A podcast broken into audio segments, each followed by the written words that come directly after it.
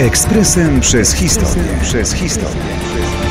11 listopada 1918 roku Ignacy Daszyński i Edward Ryc Śmigły złożyli dymisję rządu lubelskiego na ręce Piłsudskiego. 11 listopada 1918 roku, po 123 latach zaborów, Polska znów stała się wolna, by powrócić na mapy świata jako druga Rzeczpospolita. Doniosłą rolę odegrał wówczas Lublin, w którym cztery dni wcześniej powstał tymczasowy rząd ludowy Republiki Polskiej, zwany powszechnie rządem lubelskim. Ten pierwszy polski rząd w niepodległym kraju przekazał władzę przybyłemu do kraju Piłsudskiemu, a jego postulaty wywarły istotny wpływ na ustrój przyszłej Polski. Miastem, w którym po rozpadzie Austro-Węgier i spodziewanym upadku Niemiec stoczyła się decydująca walka zwolenników prawicy i ugrupowań lewicowych, był nieprzypadkowo Lublin, pozostający przez 100 lat w zaborze rosyjskim, a następnie przez 3 lata pod austriacką okupacją.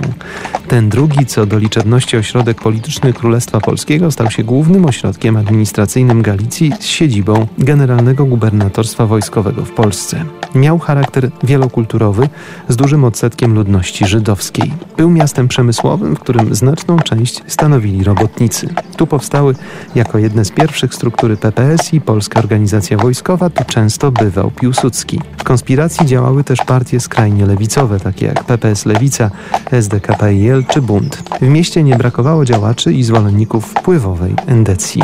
Lewica niepodległościowa zdecydowała o utworzeniu w Lublinie tymczasowego do powrotu Piłsudskiego rządu socjalistycznych i ludowych polityków Galicji i kongresówki. Po upadku rządu Świeżyńskiego i planowanym przez lewicę zamachu stanu do Lublina przybył generał Tadeusz Rozwadowski wraz z batalionem polskich sił zbrojnych, powierzając stanowisko dowódcy wojsk polskich generałowi Olszewskiemu. Później utworzono Radę Delegatów Robotniczych Miasta Lublina, która podjęła rezolucję o powołaniu rządu Republiki Ludowej. Proklamowała strajk powszechny oraz manifestacje. W odpowiedzi wojska wierne Radzie Regencyjnej wyruszyły, by obalić nowo powstały rząd. Oddziały PSZ i POW spotkały się na linii rzeki Bystrzycy. Nie doszło jednak do wymiany ognia, a dla nowego rządu pozyskano część żołnierzy opozycji. Po aresztowaniu i internowaniu generałów, w tym Zdanowskiego i Olszewskiego, na placu katedralnym zaprzysiężono wojska.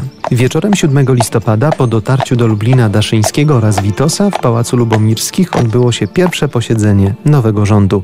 Tworzyli go reprezentanci lewicy niepodległościowej PPS, PPSD, PSL Piast, PSL Wyzwolenie, SNN. W skład rządu weszli m.in. Arciszewski, Nocznicki, Edward Ryc-Śmigły czy Stanisław Tugut. Witos odmówił udziału, uznając ten rząd za zbyt radykalny. Premierem i ministrem spraw zagranicznych i sprawiedliwości został Ignacy Daszyński. Ministrem spraw wewnętrznych Tugut, zaś generał Edward Ryc-Śmigły ministrem wojny. Na Placu Litewskim z Pałacu Lubomirskich Daszyński ogłosił program rządu, odcinając się od rewolucyjnych metod sprawowania władzy. Gabinet objął kontrolę nad prawie całą Lubelszczyzną, zyskując poparcie kilku ośrodków PPS-u. 10 listopada do Warszawy powrócił uwolniony z Magdeburga Piłsudski, a 11 Daszyński i Ryc-Śmigły przekazali mu władzę.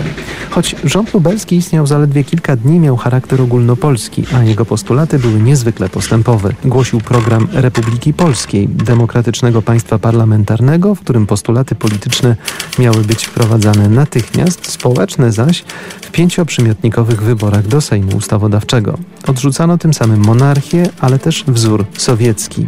Program polityczny zakładał równouprawnienie wszystkich obywateli bez względu na pochodzenie, wiarę, narodowość, w tym prawa do edukacji czy też prawa wyborcze kobiet. Wolność sumienia, słowa, zgromadzeń, zrzeszeń, związków zawodowych i strajków. Postulowano powołanie demokratycznych rad gminnych, sejmów i samorządów miejskich oraz zorganizowanie milicji obywatelskiej. Głoszono nacjonalizację przemysłu i reformy rolne.